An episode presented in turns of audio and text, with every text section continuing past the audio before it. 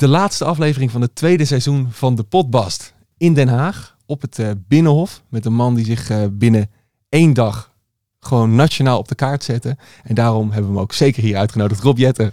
Hoi. Hi. Leuk Welkom. dat je er bent. Ja, en leuk dat we dit doen hier in de Mediatoren Ja. op het Binnenhof. Ja, want het was een soort Fort Knox om hier binnen te komen.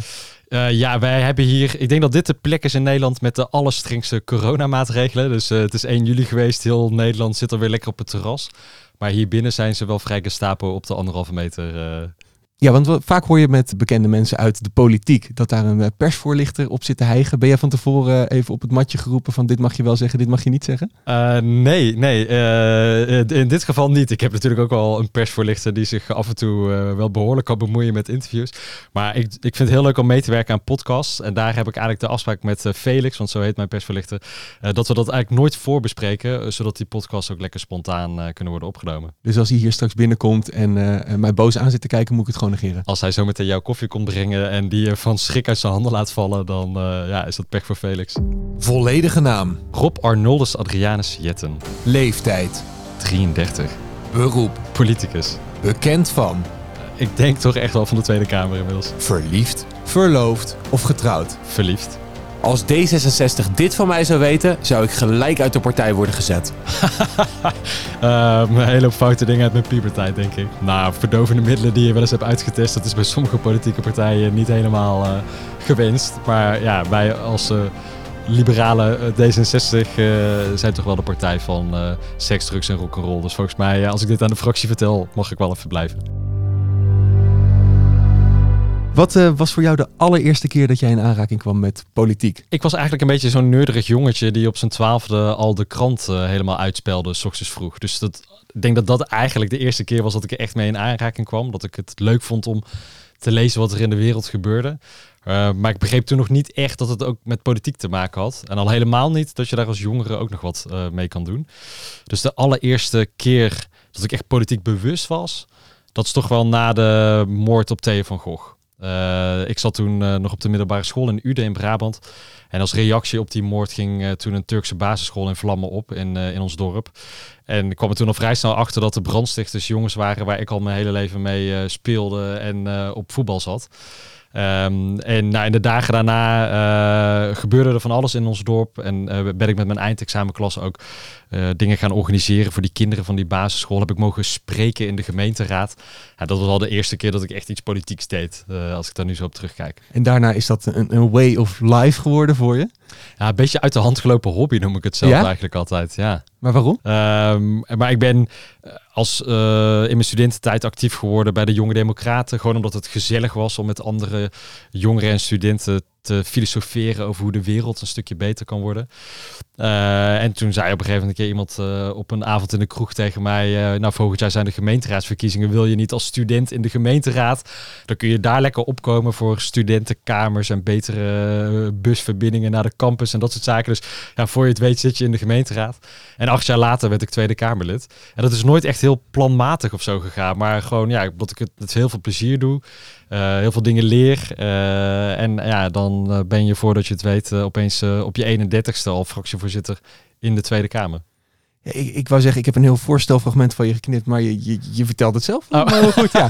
Maar ben je wel benieuwd naar hoe je leven... benieuwd. zet de ja, koptelefoon ga ik op. even meeluisteren. Ja, kijken of het klopt. Of het feitelijke feiten zijn, zoals Ja. Lange Frans zou zeggen. Rob Arnoldus Adrianus Jette wordt op 25 maart 1987 geboren in Veghel. Hij groeit op in Uden en is als klein mannetje al geïnteresseerd in wat er in de wereld om hem heen gebeurt. S'avonds moet hij het journaal zien en als hij op de middelbare school zit, wordt hij lid van een debatclub. Zijn eerste politieke ervaring is wanneer er een Turkse basisschool in vlammen opgaat net na de moord op Theo van Gogh. Samen met zijn klasgenoten organiseert Rob activiteiten voor de kinderen en een protestmars. Nou, toen heb ik eigenlijk ontdekt van, oh, je kunt dus je kunt niet alleen maar eh, als, als jongere eh, het allemaal van een afstandje volgen, maar je kunt ook zelf je dan uitspreken. Dit moment heeft Robs leven veranderd en hij besluit de politiek in te gaan. Naast zijn studie bedrijfskunde wordt hij de landelijk voorzitter van de Jonge Democraten. Als hij 22 is, de lijsttrekker van D66 Nijmegen en Rob zit niet stil. Naast zijn functie als Nijmeegs gemeenteraadslid werkt hij ook nog even bij ProRail, maar daar stopt hij mee als hij in 2017 lid wordt van de Tweede Kamer. Robs inzet wordt ook gezien door D66, want een jaar later klinkt het... Dames en heren, eh Rob Jet is de nieuwe fractievoorzitter van eh, D66 geworden. Op dit moment kent niemand hem nog, maar na een van zijn eerste interviews is dat verleden tijd. Er wordt gelachen om de manier hoe hij keer op keer hetzelfde antwoord geeft, maar dat slaat Rob niet uit het veld. Inmiddels is de zelfgekroonde klimaatdrammer een serieuze speler in de Tweede Kamer. Bij de komende verkiezingen is hij dan wel geen lijsttrekker, maar voorlopig is hij zeker nog geen vertrekker. Ja, bijna helemaal goed, toch? Bijna helemaal goed. Ja, oei, oei, oei, oei. Ik, ik, ik hoor je zeggen, dit klopt niet. Wat, wat de andere studie was het? Bestuurskunde. Maar bijna goed, bijna Ja, goed. Iets met een B en ja, kunde. ja, precies. Allebei even saai volgens mij. Dus dat is, eh, Maar ik zag je ook de hele tijd, oh ja, leuk. Oh ja, Ja. oh ja, oh ja. Oh ja. Want dit, weet je natuurlijk nu. Je wordt vaak geïnterviewd, dus je krijgt vaker een samenvatting. Maar zijn er nog dingen waarvan je denkt, als, als ik dat hoor, ben ik er echt trots op? Nou, er zijn vooral van die momenten die... eh, kijk, hier gaat het werk gewoon de hele dag door. Ehm, eh, dus je hebt soms ook heel weinig tijd om even stil te staan bij de mooie momenten. En ik hoorde bijvoorbeeld eh, die aankondiging van eh, de, de nieuwe, de nieuwe fractievoorzitter. Ja, dat waren natuurlijk hele spannende dagen eh, die je dan samen met de fractie hebt meegemaakt. Ja, dan denk je daar weer even aan terug als je zo'n samenvatting hoort. Want hoe waren die dagen? Ja, dat was echt bizar. Ehm, voor de huidige Tweede Kamerfractie van D66 geldt dat denk ik de meeste mensen lid zijn geworden van deze partij toen Alexander al partijleider was. Dus het, toen hij ons vertelde dat hij wegging, wa- was echt iedereen in tranen. Gewoon een prettige vent om mee samen te werken, maar natuurlijk ook echt een, echt een grootheid hier in Den Haag waar je heel veel van kon leren. Dus dat hij wegging, ja, was echt wel een beetje een shock voor de fractie. Eh, maar ik vind het ook heel mooi hoe we vervolgens op een hele rustige manier met elkaar, ja, dan uiteindelijk bij mij als nieuwe fractievoorzitter zijn uitgekomen. En Maar wat is jullie geheim dan? Waarom werkt het bij jullie wel? Nou, nou zijn D66'ers natuurlijk meestal eh, sowieso hele nette eh, mensen. We zwaaien ondertussen even naar Gertjan Segers, die aan de andere Die kant heel van het glas staat en mij Nee, heel boos aankijkt. Nee, ja, dan, dan, dan moet hij maar binnenkomen, dan moet hij maar meepraten. Hè? Ja, Ja, ja dus zo gaat het hier in de mediatoren. Ehm eh, nee, D66'ers zijn natuurlijk sowieso hele nette mensen. Dus dat, dat scheelt. Wat, wat wij denk ik met dit team heel goed doen, is dat we eh, gewoon ook heel goed met elkaar kunnen praten. Dus niet alleen maar op momenten dat het heel spannend is of je echt acuut iets moet regelen. Maar wij nemen echt de tijd een paar keer per jaar om een dag of misschien zelfs twee dagen eh, gewoon met elkaar op de hei te gaan zitten. eh, en gewoon aan elkaar te vragen, hoe gaat het met je? ja. En, en die gewoon interesse in elkaar zorgt ook dat je dan, denk ik, op de momenten dat het spannend wordt, eh, ook op een hele fatsoenlijke manier dan eh, de juiste keuzes kan maken. Maar is dat iets wat, wat ontbreekt in de politiek, die interesse in elkaar? Wat voor mij een hele leerzaam moment was, eh, is toch toen ik een paar weken geleden aankondigde dat ik niet voor dat lijsttrekkerschap van D66 eh, ga, omdat ik Sigrid Kaag steun. En ik was zo verrast ook weer over reacties die je dan krijgt van parlementaire journalisten of van andere politici. Want ik voel me gewoon helemaal op mijn gemak met dat besluit. Heb heel veel zin om met Sigrid die campagne te gaan voeren. Ehm, maar dan de shock hier in Den Haag dat iemand niet zijn ego op één zet, maar voor het teamgevoel gevoel gaat. Ja. Ja, daar was ik toch ook wel weer heel erg verbaasd over. En ook politi eh, politici van, ja, ik zal geen partijen noemen, maar Kom op, het beetje viel, juice, kom viel me op. op dat een paar Kamerleden van dezelfde partijkleur eh, eh, allemaal naar mij appten toen Sigrid zich kandideerde op zondag. En ik heb toen op dinsdag mijn besluit ge- bekendgemaakt. Maar toen kreeg ik op, op zondag allemaal appjes van, "Oh, wat een mes in je rug dat zij zich kandideert. Toen dacht ik, hoezo een mes in mijn rug? Want maar dat zegt dan zoveel, vind ik, over andere partijen, dat dat hun primaire reactie is. Terwijl ik denk, ja, wij hebben dit gewoon met elkaar eh, op een hele mooie manier eh, eh, bedacht. Maar waarom wil je dan wel fractievoorzitter worden, maar geen lijsttrekker? Want is, is lijsttrekker hoger dan fractievoorzitter? Nou ja, ja bij, bij, als lijsttrekker ben je natuurlijk wel straks het gezicht op de poster en de nummer één op die kandidatenlijst. Ehm, eh, dus dat is een andere rol dan, dan je als fractievoorzitter hebt. Maar ik, ik, ik zie mezelf gewoon op mijn 33ste niet als een serieuze uitdager voor het premierschap. Nee. Dat, ik denk dat Nederland daar ook gewoon niet klaar voor is om, om jongeren dat ambt al te gunnen. Je ziet dat Oostenrijk en Finland het wel al kunnen, maar ik zie dat in Nederland nog niet gebeuren. En, en ik vind ook oprecht dat Sigrid Kaag daar gewoon wel de juiste papieren en ervaringen voor heeft. Dus dan Ja. ga ik liever eh, met haar een team vormen om ervoor te zorgen dat zij de eerste vrouw in het torentje wordt. Ja. Eh, ja, dan dat ik voor mijn eigen ego dan een lijsttrekkersverkiezing of zo aanga. Maar hoe belangrijk is dat zeg maar, om als grote baas eh, iemand te supporten? Want bijvoorbeeld een baas van een bedrijf waar ik ook werk, die, die support me ook in alles. En je merkt, je gaat harder lopen voor iemand. Is dat Ja. ook hetgene wat jij wil bereiken binnen de partij? Ja, nee, absoluut. Ik denk dat het, het is volgens mij ook gewoon een heel krachtig signaal dat ik me zo openlijk mijn steun voor, voor Sigrid uitspreek. En dat we er samen echt voor gaan. En eh, dat is, je, je had in je samenvatting ook zitten, ik heb een tijd bij ProRail eh, gewerkt, eh, spoorbeheerder. En Mhm. ik heb allerlei verschillende teams daar mogen aansturen. Van hele uitvoerende teams tot uh, ja, zeg maar echt uh, hele slimme professionals. Uh, waarvan ik niet begreep wat ze eigenlijk deden elke, elke dag. En daar heb ik heel erg geleerd hoe belangrijk het is om gewoon mensen echt de, de, de ruimte en de vrijheid te geven om hun eigen expertise gewoon te kunnen uitoefenen. Ja. En, um, nou, dat hoor ik ook wel terug van, van leden van mijn fractie. Dat ze ook op die manier zijn opgebloeid de afgelopen paar jaar sinds ik fractievoorzitter werd. Omdat ze gewoon heel erg dat vertrouwen voelen dat ik achter hun sta. Ja. En dat ik ze help als het nodig is. Wat voor leider wil je zijn? Ik kan er niet echt een één woord of, of label op plakken. Um, ik vind het heel erg belangrijk om anderen, en dat is een beetje een platitude misschien, maar om andere mensen echt in hun kracht te zetten. Dus Ja. Uh, je hebt eh, zo'n, zeker in mijn huidige team zitten hele verschillende mensen die allemaal andere kwaliteiten hebben. En daar gewoon goed met elkaar over praten. Waar ben jij goed in? Oké, gaan we ervoor zorgen dat je dat de hele dag kan doen. En andere mensen kunnen dan een andere rol uh, weer oppakken. En je moet er ook voor zorgen dat mensen af en toe gewoon successen kunnen vieren. En dat is zeker ook in de politiek belangrijk, waarbij je ook wordt afgerekend hè, op heel erg wat de buitenwereld van je vindt. Dat ook elk Kamerlid dat in je team zit, ook zijn successen op zijn of haar onderwerpen kan vieren. Ja. En dat je dan ook als, af en toe als fractievoorzitter de spotlight op die teamleden zet. Je hebt normaal één gezicht ehm, eh, van de partij en die gaat er met de meeste shine ook vandoor. Ja, Maar heeft, is dat voor je positie niet soms beter om zo, zo te zijn? Nou, je moet, dat is een hele goede vraag. Kijk, uiteindelijk is politiek natuurlijk wel een hard vak. Ehm, en het klopt dat eh, de kiezer of de achterban van, van je partij, die, die kent, ja, je mag echt blij zijn als ze één of twee eh, namen uit zichzelf kunnen noemen. Dus je moet ook wel als fractievoorzitter af en toe gewoon ja, bijna opeisen. Dit is een, een belangrijk debat of een belangrijk onderwerp en dat doe ik. Ja. Ook al is het niet eens mijn eigen portefeuille. Dus je pakt ook af en toe wel eens wat af van een Kamerlid, om het even zo te zeggen. Ehm, eh, maar ik geloof dus ook als je dan op de andere momenten wel die ruimte en dat vertrouwen geeft, dat dat, dat dan ook niet tot conflicten hoeft te leiden. Ehm, en ja, is het anders? Ja, ik voor- mezelf, ik weet gewoon eigenlijk niet beter. Mijn, ik kom uit een hele sportieve familie en ik heb echt vanaf mijn vierde op teamsport gezeten. Dus het is bij mij echt met de paplepel ingegoten dat je toch vooral samen resultaten moet bereiken. Ja. Want als je samen eh, dingen gaat bereiken, ook voor nee, jonge carrièremakers die deze podcast luisteren, vaak eh, merk je dat de mensen met een grote bek, die komen verder. En Ja. de mensen die wat zachter zijn, die, die, die, die doen wel leuke dingen, maar die zullen op het moment dat ze iemand anders moeten opofferen, zeg maar, eh, daar niet voor kiezen.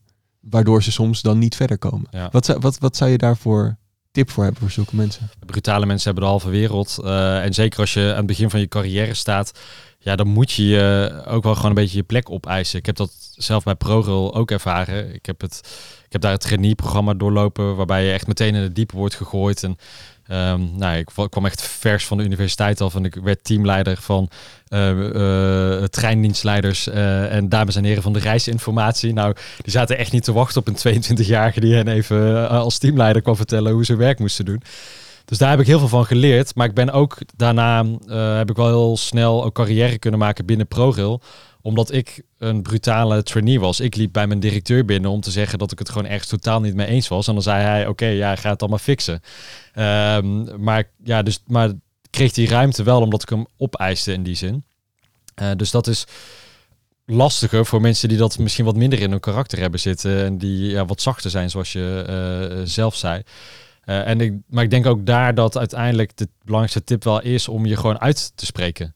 En heel vaak denk je misschien bij jezelf, ja, eh, ik ben nieuw hier of ik kom net kijken en ja, ik zal het wel niet eh, goed hebben of eh, ja, ze doen het altijd zo, dus laat ik daar maar aan meedoen. Ik denk dat je toch heel vaak gewoon mensen kan verrassen met je, je eigen frisse nieuwe inzichten. En dat heel veel mensen er toch voor openstaan, zolang het niet... Weet je, je moet nooit bedreigend zijn naar de persoon die tegenover je zit. Eh, dan, eh, dan krijg je denk ik heel veel weerstand. Maar als je gewoon op een hele geïnteresseerde manier probeert mee te denken en nieuwe dingen probeert aan te dragen, dat is mijn ervaring, dan kun je heel ver komen. Maar hoe word je geen bedreiging dan? Kijk, zeker als je wat jonger bent en in, in, in nieuwe eh, hey, en nieuw binnen organisaties komt, eh, dan, dan ik denk dat heel veel mensen snappen dat je gewoon een beter team en een betere organisatie wordt als je eh, ervaring en, en jong talent met elkaar mixt. Ehm, maar het kan denk ik wel bedreigend worden als je als mensen het gevoel hebben dat je op hun plek of op een positie uit bent. Uiteindelijk gaat heel veel in het leven gaat toch om macht. Ehm, eh, terwijl ja, ik denk als, als je daarvan weg kan blijven en het gewoon gaat over de inhoud en de dingen die je als bedrijf of als team voor elkaar moet krijgen, dat uiteindelijk heel veel mensen daar toch voor open voor staan. Volgens mij gaan bijna iedereen staat 's ochtends vroeg toch op en gaat naar zijn werk om er maar het beste van te maken. Hè? Niemand gaat naar zijn werk om de hele dag te zitten chagrijnen. Ja, sommige mensen misschien wel, maar dat hou je ook niet heel lang vol. Dus nou, uh, ik denk die positieve mindset helpt, uh, helpt enorm. Ja, want je was dus 22, je wordt teamleider bij ProRail. Uh, die zitten mensen die er al misschien langer zitten dan dat jij oud was. Zeker. Um, voelde je dat mensen je niet moesten? Oh ja, nee, dus sommige mensen zeiden dat gewoon hardop tegen mij. Die zeiden, je bent jonger dan mijn kinderen, wat kom je doen? Ehm, dus dat was, en dat, maar dat vond ik ook wel weer mooi, dat mensen dat zo direct zeiden. Ik herinner me nog heel goed dat ik, het was in Arnhem, uh, een van de locaties waar ProRail dus het, het hele treinverkeer in Oost-Nederland managt. Ja, en toen dacht ik, ja, dit wordt natuurlijk een ramp als ik nu ga doen alsof ik beter weet uh, hoe die mensen hun werk moeten doen, want dat weet ik gewoon ook niet. Dus ik ben de eerste weken uh, gewoon hele dagen naast hen gaan zitten. Dus een treindienstleider die dan het treinverkeer in Arnhem managt, ja, gewoon de hele dag ernaast gaan zitten en alleen maar vragen stellen en kijken hoe dat in zijn werk gaat. Uh, of een brugwachter die een spoorbrug in Zutphen moet openen. Daar gewoon een keer een avond mee op locatie gaan zitten. Of hele dagen meelopen met werkzaamheden aan het spoor die buiten plaatsvinden. Die interesse tonen, dat was denk ik wel de crux. Um, en ik herinner me een van de dingen die, ik, die me het meest zijn bijgebleven was nog een paar jaar later. Toen was ik regiomanager bij ProRail, um, dus voor Noord- en Oost-Nederland. En dat was een team met allemaal hoogopgeleide techneuten. Ehm, waar ik nog veel minder van begreep. Uh, en dat was een team van nou, 40, 50 man dat ik moest aansturen. En uh, vrij kort nadat ik daar kwam, werd een van mijn teamleden ziek. Uh, en die overleed ook naar een vrij heftig, maar kort ziektebed. En ook in dat team zaten mensen die het echt belachelijk vonden dat zo'n jong iemand de regiomanager was geworden. Maar door de manier waarop ik denk ik dat die collega heb begeleid tijdens zijn ziekteperiode en ook in mijn team ruimte heb gegeven om daarover te praten. Um, en uiteindelijk heb ik ook uh, gesproken op uh, die uitvaart, wat ik echt uh, een van de moeilijkste dingen vond die ik in die jaren bij ProRail heb moeten doen. Waarom? Nou, omdat het, ja jeetje, de vragen gewoon nabestaanden aan je of dat je wil spreken op, op de begrafenis van hun vader. Echt dacht, ja, wie, wie, wie ben ik om daar überhaupt tijd te mogen krijgen? Maar zij vonden het, hij, die man had zoveel passie voor zijn werk dat ze het wel belangrijk vonden dat iemand daar ook over vertelde. En dat heb ik toen ook voor hem en voor zijn familie heb ik dat gedaan. Maar dat was een van mijn medewerkers in mijn team heeft eigenlijk pas een paar weken na die begrafenis tegen mij gezegd. En ik was zat toen al een jaar als regiomanager daar. Uh, toen zeiden ja, nu accepteer ik jou ook echt als mijn, mijn baas. Omdat je dit proces op zo'n waardige manier heb begeleid en zoveel persoonlijke aandacht ook heb besteed. Niet alleen aan de collega die ziek was, maar ook aan andere mensen in het team die, daar, die het daar moeilijk mee hadden. Uh, dus ik denk dat het uiteindelijk gaat leiderschap. Ben je een manager of ben je een leider? Volgens mij gaat dan dat leiderschap uiteindelijk echt om de oprechte interesse die je in de mensen toont. Uh, en er gewoon voor zorgt dat mensen lekker in hun vel zitten, zich gehoord voelen. En dan hoef je je daarna ook niet zo te bemoeien met wat ze de hele dag inhoudelijk aan het doen zijn. Nee, dus als je ergens binnenkomt en mensen moeten je niet gelijk omdat je nieuw bent, laat het maar gewoon gebeuren. Ja. Doe gewoon het beste wat je kan doen, eigenlijk is wat je zegt, toch? Precies, precies. Ja. En, en uh, ja, toon gewoon die oprechte interesse in, in, in de persoon die tegenover je zit. Ja. En uh, ja, neem daar inderdaad ook de tijd voor. Zou de wereld beter worden als iedereen deze oprechte interesse toonde? Ja, dat, ja, dat denk ik wel. Ik denk dat we uh, zeker ook hier in het politieke werk, het gaat toch altijd heel vaak over vooroordelen, aannames. Uh, nou, wij noemen dat dan politiek met een kleine p, hè, dus heel erg op de man spelen. Um, het is best moeilijk hoor, om dat hier ook vol te houden. Omdat je zo wordt meegesleept in die dagelijkse actualiteit en even ook een nieuwsmomentje scoren. Uh, en dat gaat gewoon vaak ook ten koste van, van anderen en van andere politieke partijen. Um, maar ik heb laatst ook verteld bij, uh, toen was ik te gast bij uh, studentenverenigingen. En die wilden me van, uh, wilden vooral weten hoe ik dan ruzie maakte met Geert Wilders en Thierry Baudet en zo. Maar met Geert Wilders klap ik natuurlijk hard op in de debatten. en een, een tv-debat dat we vorig jaar over de islam hebben gehad, daar word ik nu op straat nog steeds op aangesproken. maar ik drink wel ook af en toe een, een, kop koffie met hem of maak even een praatje met hem in de wandelgangen rondom een debat. Omdat ja, je ook moet voorkomen, denk ik, dat de politieke strijd die je met elkaar levert ook te veel op een gegeven moment de persoonlijke relatie in de weg gaat. Ik ga nooit bevriend met hem raken of zo, maar eh, wil je op een respectvolle manier met elkaar het debat kunnen blijven voeren, dan moet je denk ik ook het mensen achter de standpunten kunnen blijven zien. Maar hoe zorg je dat je werk en privé in die gescheiden houdt? Ja, dit is wel een les die ik heb geleerd toen ik in de gemeenteraad zat. Ik ben, ben zeven, ruim zeven jaar gemeenteraadslid geweest in Nijmegen. Ehm, eh, eh, eh, dat uit de hand gelopen hobbygevoel waar het e- eerder over hadden, had ik daar heel erg. Dat ik had een superleuke fractie met heel veel jonge mensen. En wij waren allemaal voor het eerst in ons leven volksvertegenwoordiger. Dus het was echt een soort van ontdekkingsreis die we samen meemaakten. En na de gemeenteraadsvergadering altijd de kroeg in. uh, en, en, en leuke hei-weekenden met z'n allen. Dus dat, weer die hei. Wij, weer die hei. Uh, nou, dit waren dan, gingen we gewoon echt naar een leuke stad in België en Duitsland. En daar goed bier drinken. En dan ondertussen filosoferen over hoe we de stad nog beter gingen En tegen je ouders zeggen, we zitten op de hei. Ja. maar wat ik daar... dat werd op een gegeven moment, voor mijn gevoel, werd dat een soort van... Dat, we, nou, dat werden gewoon vrienden ook. dat werd echt een vriendengroep, die fractie. Maar na vier jaar is het over. Uh, en dan zijn er weer verkiezingen en dan wil iedereen herkozen worden of sommige mensen stoppen en gaan toch misschien met een minder goed gevoel weg. En toen heb ik wel geleerd, oké, politiek is, je werkt heel intensief met mensen samen. Ze kunnen, sommige mensen gaan ook echt veel voor je betekenen, maar het blijft uiteindelijk wel een politiek vak. Dus je moet, je, je moet niet in de valkuil trappen dat je 150 Tweede Kamercollega's allemaal je beste vrienden kunnen worden. Het is uiteindelijk wel gewoon ja, ook wel weer politieke business om zoveel mogelijk stemmen te halen om uiteindelijk je idealen te bereiken. En um, ik denk dat, dat, dat veel mensen die gedesillusioneerd uit Den Haag uiteindelijk vertrokken zijn, hier last van hebben gehad. Dat ze dachten met iemand een hele persoonlijke relatie te hadden opgebouwd. Of misschien zelfs een vriendschap. En dat ze uiteindelijk toch politiek genaaid werden. En wanneer heb jij dit gemerkt zelf? Behalve, je, je zei het natuurlijk in de gemeenteraad. Ja. Maar er is een moment dat jij dit voor het eerst gemerkt hebt. Nou, dat was dus in, in, in Nijmegen in de gemeenteraad was dat echt. Hè, nou, ik had vier feestjaren gehad, zeg maar. En toen waren er weer gemeenteraadsverkiezingen. En toen ontstond er een soort van, ook binnen, binnen D66 Nijmegen, toch ook wel een strijd over wie op welke plek op de kandidatenlijst mocht staan. En toen was het blijkbaar, uh, toen ook wel weer net de D66'ers, dus dat was relatief beschaafd. Maar ik was ook wel, ook wel weer verrast over de, de, toch wel de strijd die daar ontstond. En dat mensen toch wel ellebogenwerk lieten zien om net even dat plekje hoger op die lijst te komen. En daar... Maar wat, wat, wat gebeurde er concreet? Nou, dat, dat gewoon mensen ook wel uh, even elkaar een paar weken niet uh, wilden spreken, niet aankeken. Terwijl we dus daarvoor een soort van one big happy family waren. En dat, dus er kwam een spanning in ons team die we daarvoor nooit hadden gehad. En ik als fractievoorzitter en lijsttrekker toen ook dacht, ja, oh my god, hoe ga ik dit nu managen? Ja. En hoe heb je dat gedaan? Ik denk niet dat het helemaal gelukt is. Ik denk niet dat iedereen daar even happy op terugkijkt. Omdat er zijn ook gewoon teleurstellingen bij komen kijken, omdat sommige mensen niet dat plekje in de gemeenteraad toen hebben veroverd. Nee. Dus wat ik nu doe, uh, als fractievoorzitter in de Tweede Kamer, met die gaan we, eh, komt een verkiezingsjaar aan, zijn Kamerleden die door willen, die willen weer op de volgende kandidatenlijst en dat is spannend.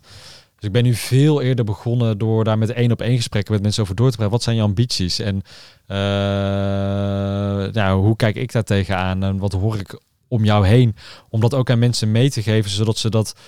Uh, al mijn collega's moeten in de zomer het besluit nemen: ga ik me weer kandideren of niet? Uh, en ik vind dat iedereen er gewoon heel erg recht op heeft om van mij, maar ook van anderen te weten uh, ja, welke voor's en tegens mensen daarbij zien. En dat heb ik toen ja, uh, gewoon in Nijmegen te weinig gedaan. Want je zei daar straks, ik kom uit een heel sportief gezin. W wat voor gezin ben je in opgegroeid? Ik heb een zusje. Uh, mijn ouders waren ook super sportief. mijn vader heeft op hoog niveau gevoetbald, mijn moeder op hoog niveau gehockeyd. En toen wij jong waren, deden ze dat eigenlijk nog steeds. Of ze waren trainer of coach ergens op, op de club. Uh, en mijn zusje en ik waren uh, ook fanatieke sporters. Dus wij zaten echt met het hele gezin gewoon zes dagen in de week op de sportclub. en dat vonden we ook heel leuk om te doen. Um, en mijn ouders werkten daarnaast allebei. dus we hebben daar denk ik, mijn zusje en ik hebben daar allebei het voorbeeld wel van gekregen ja, als je iets wil bereiken, uh, dan, uh, dan moet je er gewoon je stinkende best voor doen. En als je iets doet, dan doe je het goed. Dus je gaat niet uh, half werk zitten afleveren. Als je iets doet, dan doe je het goed. En dan, dus we zijn allemaal wel een tikje perfectionistisch aangelegd. Dat, ja, dat komt wel echt van thuis uit. Want je ouders supporten je ook in wat je deed? Of? Ja, nee, absoluut. Dus ehm, mijn moeder heeft wel eens in een interview gezegd dat ze wel vrij vroeg had geleerd dat ze zich niet moet moest bemoeien met mijn schoolwerk. dus uh, ik was blijkbaar, ik was wel echt wel eigenwijs kind. Uh, maar waarom niet bemoeien? Want je deed het toch anders? Of? Nou ja, daar werd ik gewoon ook een beetje driftig van. Zo van alsof ik dat niet al lang zelf had bedacht. Uh, hoe ik mijn huiswerk ging aanpakken en zo. Dat, dat, was het een beetje. Ik was wel vrij vroeg zelfstandig en onafhankelijk. Maar mijn ouders hebben met sport, eh, met studiekeuzes, eh, dat soort zaken altijd eh, enorm zijn ze sportief geweest. En nu, ik ben mijn huis echt al anderhalf jaar aan het verbouwen. Echt een ramp. Eh, maar het Als is ik het doe, bijna doe ik af. het goed, hè? Ja. Het is bijna af. Eh, maar om- ik heb het gewoon mega druk. En mijn vriend eh, werkt een groot deel van de tijd in het buitenland. En dan staan mijn ouders staan al mijn kozijnen te lakken, weet je wel. Dat is ja, super lief dat ze dat doen. En daar ben ik ze ook heel dankbaar voor. En dat zijn, wij zijn niet een gezin waar we heel uitgebreid over onze emoties praten. Maar dit zijn dan de, de momenten zeg maar, waarvan ik weet van... oké, dat is dan de manier waarop zij dan hun support aan mij laten zien. Heb je dat gemist, dat er niet uitgebreid over emoties wordt gepraat? Ja, ik doe het nog steeds niet eigenlijk heel goed. Ik dacht, we gaan een heel psychologisch gesprek voeren. Ja, nou ja, vrienden, van- mijn goede vrienden zeggen dat ook altijd eh, tegen mij, dat, ik, daar- dat het nog steeds niet een van mijn topkwaliteiten is. Dus misschien dat ik, dat ik anders, dat ik nu anders was geweest als we dat vroeger meer hadden gedaan. Maar ik heb nu niet het gevoel dat we het enorm missen. En ja, ik ben zelf dus wel, ik, ik zit soms natuurlijk ook wel ergens mee. Ehm, maar wat ik, ik vind het gewoon fijn om gewoon zelf heel erg daarover na te denken en zelf de oplossingen te bedenken. En Net als dan- met je huiswerk. Net als met mijn huiswerk. Maar dan toets ik wel zeg maar, mijn, mijn uitkomst.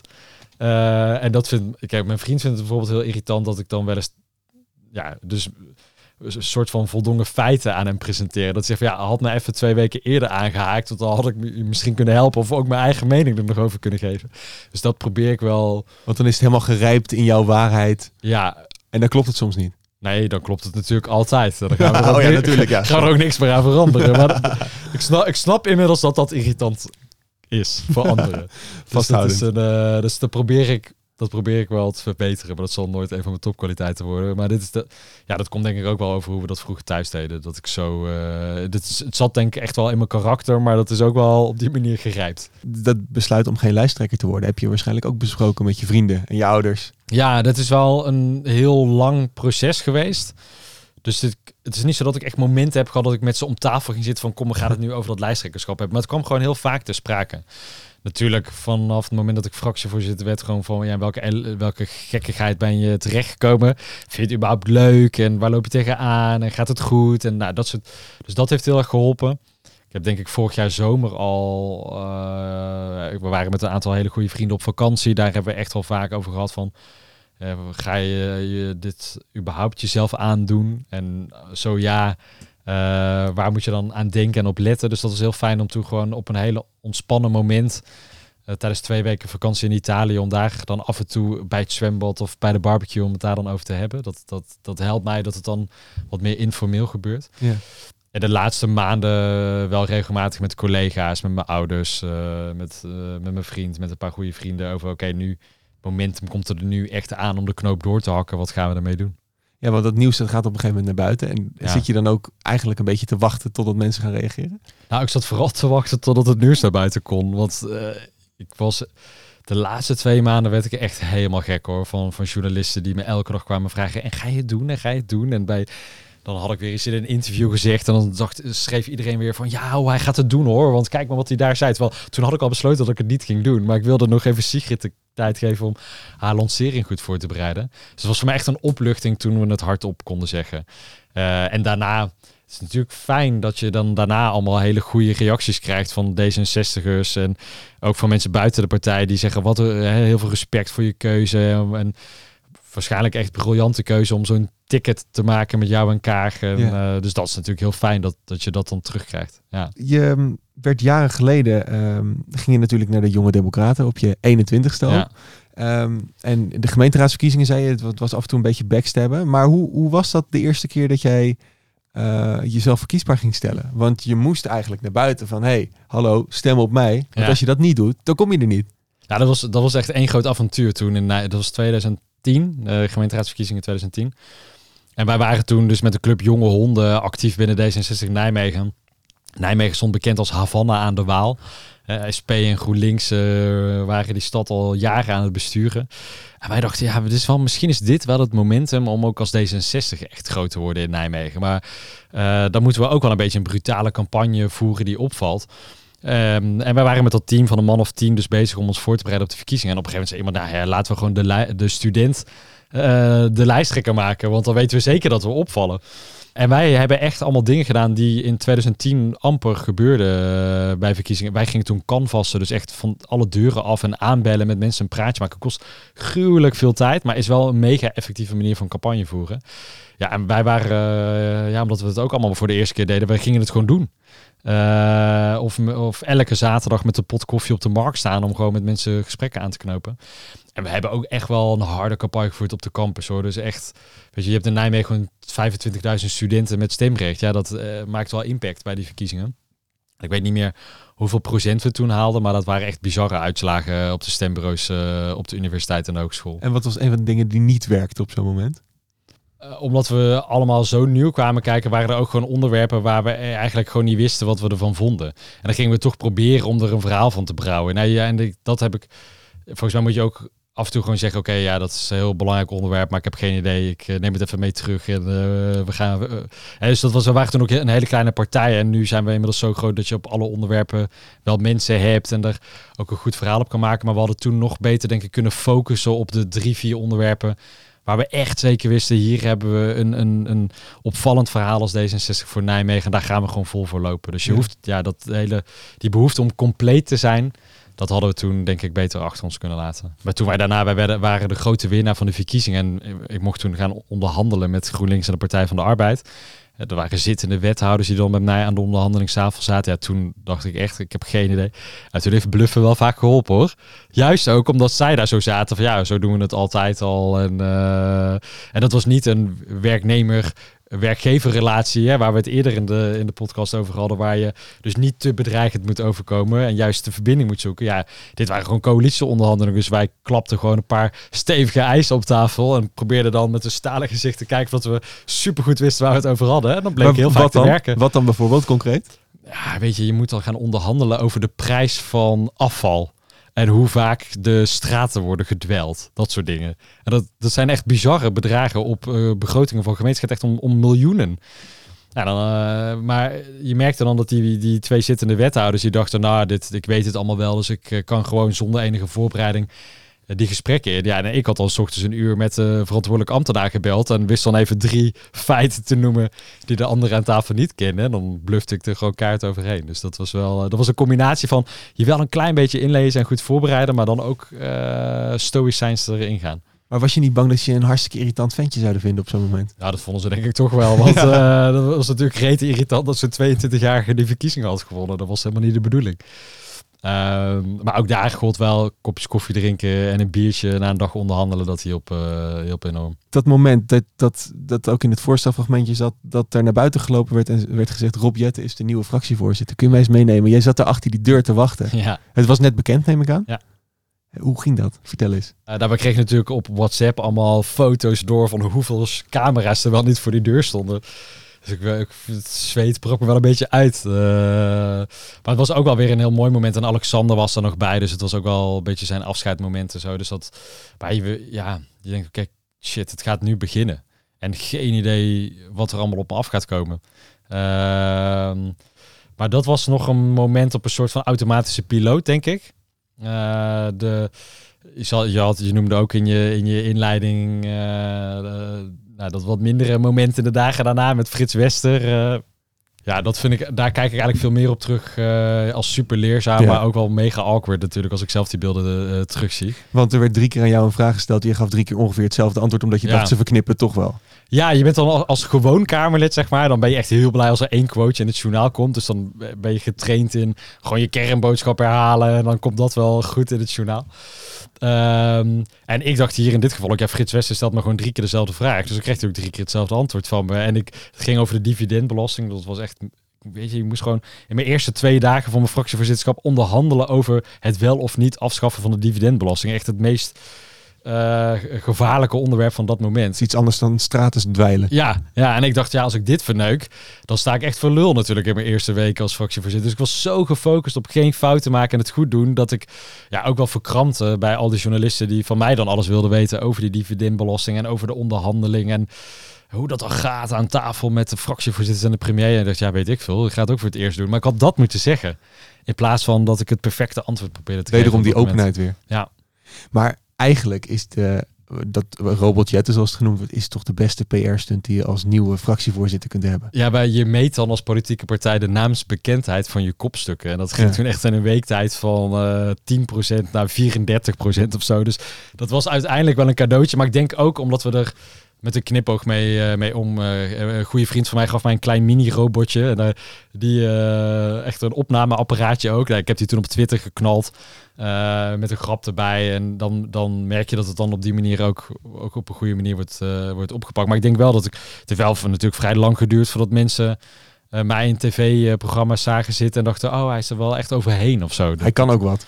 Hij kan ook wat. Ja. Ja, en ik vind het heel mooi. Frits Wester heeft het zelf eh, laatst gezegd eh, in een of andere overzicht talkshow.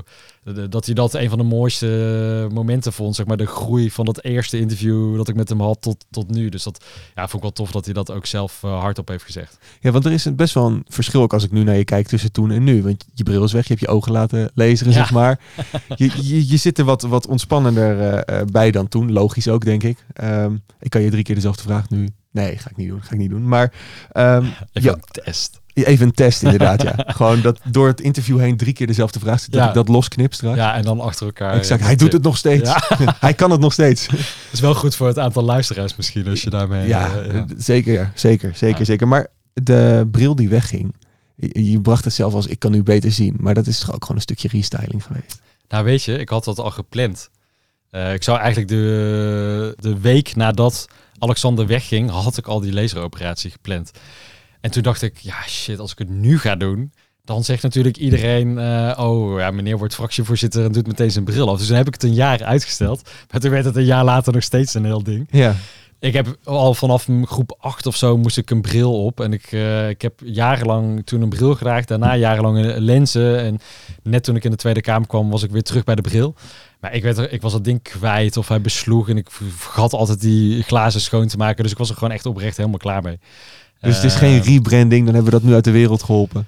Nee, weet je dat er juist heel veel mensen zijn die tegen mij hebben gezegd... oh, dat is echt heel dom geweest om je bril weg te doen. Want een goed montuur, dat eh, helpt dan weer om serieus gevonden te worden. eh, weet ik het.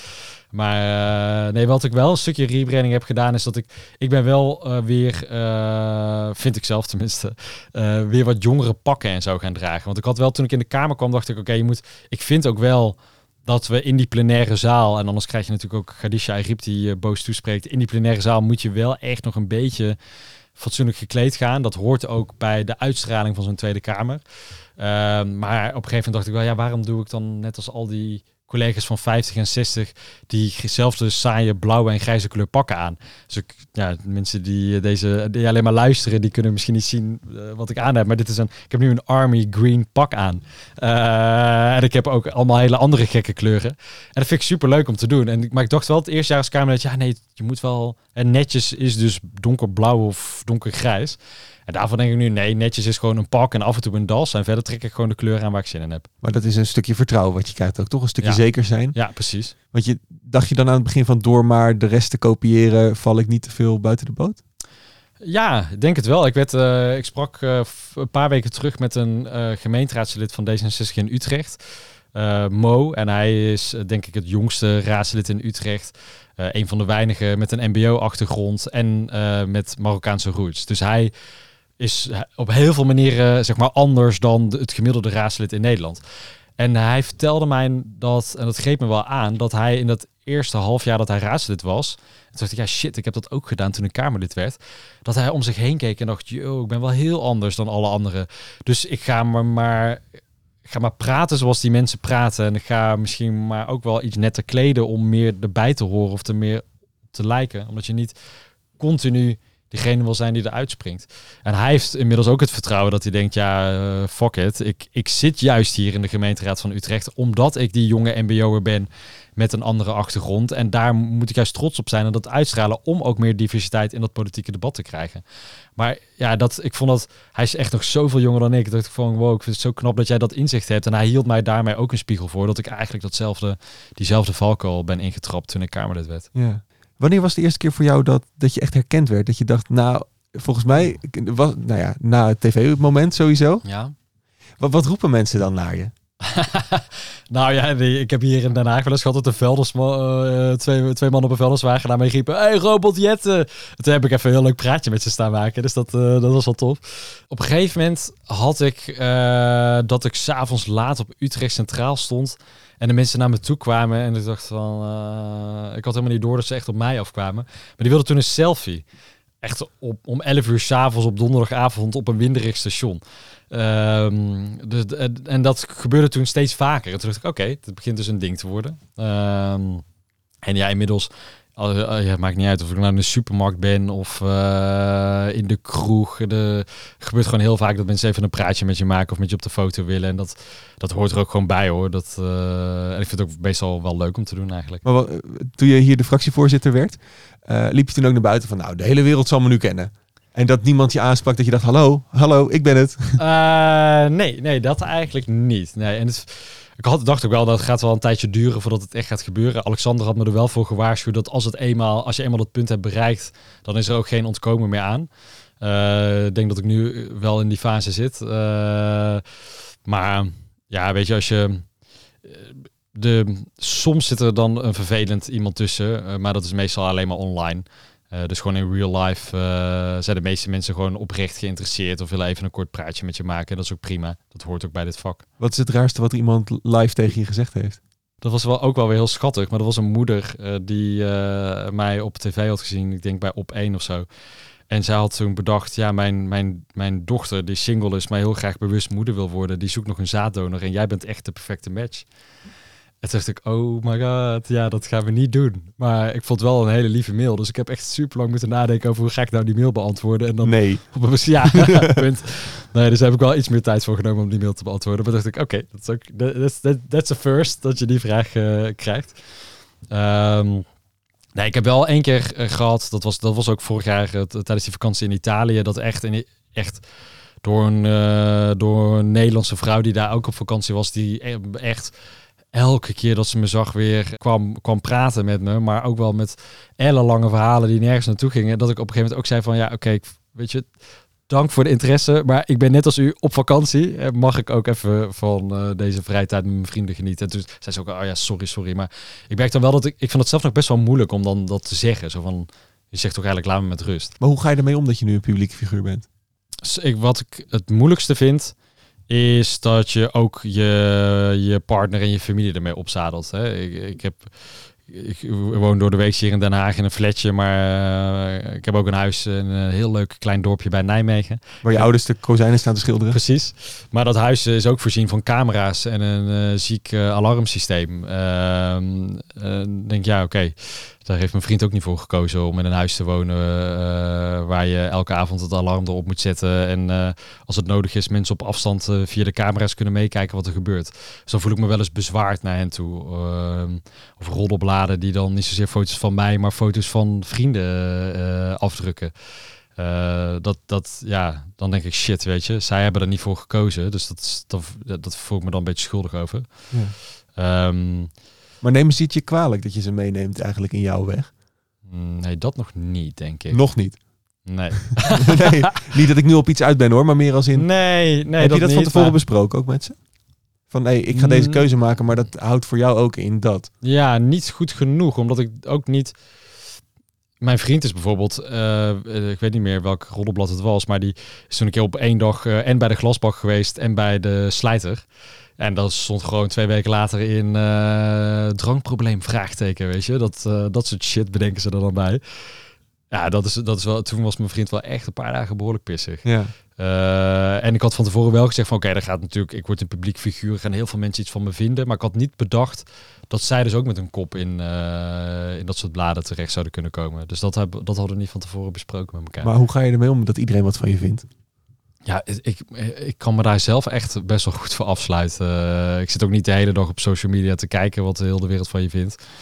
Um, en ik denk vaak, uh, mensen die helemaal los op je gaan, denk ik, zo, je hebt een zwaar leven. Als je zo uh, je avonden achter je computer doorbrengt om al dat soort ellende over andere mensen uit te storten. Dus dat kan ik redelijk van me afzetten. Ik heb wel laatst zo'n filmpje gepost met al die homo-haatberichten, omdat ik wel ook Nederland even de spiegel wilde voorhouden dat dat ook gewoon in Nederland gebeurt. En ik heb tijdens de boerenprotesten wel voor het eerst gehad dat ik me echt wel een beetje ongemakkelijk voelde. Toen was ik ergens in het oosten van het land uh, op werkbezoek geweest en bij een politiek theater te gast geweest. En echt uh, ruim een uur met protesterende boeren staan praten uh, buiten. En dat was een heel fijn gesprek. En zij waren natuurlijk boos op het standpunt van D66 over stikstof en de veestapel. Maar uiteindelijk, uh, ik heb naar hen geluisterd, zij hebben naar mij geluisterd. En ik dacht, nou prima. Uh, ook nog de afspraak gemaakt dat ik bij een van die uh, boerinnen later op werkbezoek zou gaan bij haar thuis op het bedrijf. Dus dacht, nou, dit is echt heel mooi gelopen. En toen stapte ik met een van mijn medewerkers in de auto om terug te rijden naar Den Haag. En werden we klemgereden door tractoren. En heeft echt heel lang geduurd voordat we weer weg kunnen. Mijn auto is met allerlei stickers van Farmers Defence Force volgeplakt. En voor je het weet zit je dan aan de telefoon met de burgemeester van Enschede met de vraag of dat de politie bijstand moet komen. En toen dacht ik wel, yo, hoe zijn we nou weer hierin beland? Vind je dat eng op zo'n moment? Ik vond het niet eng, maar ik vond het wel onprettig. En ik ben op een gegeven moment ook maar naar een van die redelijke kerels toegelopen en gezegd, ja, we kunnen nu dit gewoon samen oplossen. Of dit wordt met politie erbij en een hele hoop heisa en media-aandacht zitten we volgens mij allebei niet op te wachten. De medewerker die ik bij me had was een stagiair van 21 of zo. Die was voor het eerst met mij mee op werkbezoek. En die zat meteen in die ellende. Daar, daar werd ik heel kwaad van. Weet je, dat ik dacht van ja, het moet niet iets aan. Uh, je moet van, sowieso van mijn spullen afblijven. Maar ik wil ook dat je van mijn stagiaire afblijft. Gelukkig is dat ook. Uh, is er verder ook niks ernstigs gebeurd. Maar ging toen wel heel veel door mijn hoofd op dat moment. Ja. Hoe deal jij met kritiek? Uh, ik, ik vind het wel fijn als mensen gewoon het heel direct tegen me zeggen. Daar, dus je moet niet. Uh, de, dat heb ik vrij snel aan het begin tegen mijn team gezegd. Hè. Je moet niet naar tv optredens eerst drie complimenten gaan uitdelen. En dan, dat werkt bij mij gewoon niet. Je moet gewoon zeggen wat er niet goed is. En dan gaan we kijken hoe het beter kan. En daar zit dan een stukje dat perfectionisme, uh, wat ik van huis uit heb meegekregen. Ja, dat, dat, dat hunkert ook af en toe naar gewoon kritiek, zodat je weer weet hoe je uh, beter kan worden. Iemand die ik echt af en toe een zoen uh, moet geven en te weinig doe, is Pia Dijkstra. Is bij mij in de fractie Tweede Kamerlid bekend van de donorwet natuurlijk onder andere. Maar ja, ook bijna haar halve leven journalist en tv uh, en journaalpresentator geweest. Zij heeft mij wel de, de beste praktische tips gegeven over hoe je op een ontspannen manier bij Jeroen Pauw aan tafel kan zitten of bij Eva Jinek. En hoe doe je dat? Uh, eigenlijk was het beste tip van Pia. Ja, bedenk je gewoon alsof dat je met je vrienden in de kroeg zit en met een biertje erbij uh, moet vertellen over wat er deze week in Politiek Den Haag speelde. Uh, want dan ga je op een andere manier praten en het toch op een begrijpelijkere manier uitleggen en er toch ook weer op een andere manier bij zitten en zo. Uh, dus toen ze dat zei, dacht ik, oh ja, dat is eigenlijk super logisch. Maar dan moet je het wel ook een paar keer. Uh, en dan ga ga, ga je gewoon met haar tv-beelden terugkijken. En dan zeg je, ja, zie je, dit is het moment dat je het wel deed. Of, oh jeetje, dit is het moment dat het juist helemaal verkeerd ging. En dat, dat helpt mij dan enorm om daar beter in te worden. Hoe erg was um, Felix, de Felix, ja. de persvoorlichter, ja. Ja, die is mij wel streng aan het aankijken inmiddels. Moeten we afronden? Uh, ja, ik denk dat ik okay, fractievergadering okay, heb. ik weet niet hoe laat het is, ja. Hoe, hoe, hoe lang hebben we nog? Nul. Oh, top. Dan je moet naar de fractievergadering ja. toe. Uh, dan, dan ga ik heel snel richting het eind nu. Um, stel dat de jonge Rob naar jou toe komt en die zegt: Ik wil net zo succesvol worden als jij. Wat zou je hem zeggen? Doe gewoon alleen de dingen die je echt leuk vindt om te doen. Doe ze goed. Ga er ook vol voor. Ik denk dat dat uh, uiteindelijk toch het allerbelangrijkste is waarom ik nu hier zit. Ja. Gewoon dat vertrouwen. Ik merk nu in één keer, ik denk, jij moet afronden, jij moet naar die vergadering. Hup, hup, hup, hup, ah. Eh, nu heb ik ineens de gehaastheid Fijn, hè? Dat is dit, dit is dit vak. Dat je ja, precies, gewoon, uh, de onverwachte dingen die opeens kunnen gebeuren. Ja. Precies, precies. Ik uh, sluit het gesprek altijd af met de potbas sticker met de vraag, waar ga je hem plakken? Waar ga ik hem plakken? Uh, nou, ja, ik heb wel een heel mooi monumentaal kantoor hier op het Binnenhof. Dus daar mag hij sowieso nergens op. Maar misschien gewoon op de koelkast van de fractie. Daar hangt van alles. Dus daar past deze wel mooi tussen. Helaas, helaas, helaas. Dit is het einde van de 26e podcast. Met deze keer mij als gast. Rob dus. Als je het een leuk gesprek vond, of juist totaal niet, deel hem dan met je vrienden en op social media. En als je een screenshot van dit gesprek deelt in je stories op Instagram en je tagt de radiomeneer erin, dan krijg je ook zo'n toffe sticker. Dit was trouwens ook de laatste aflevering van het tweede seizoen. In september is Bastiaan weer terug. En ik mag er nog niets over zeggen. Maar het wordt wel leuk, want de eerste gast kan heel goed rommen.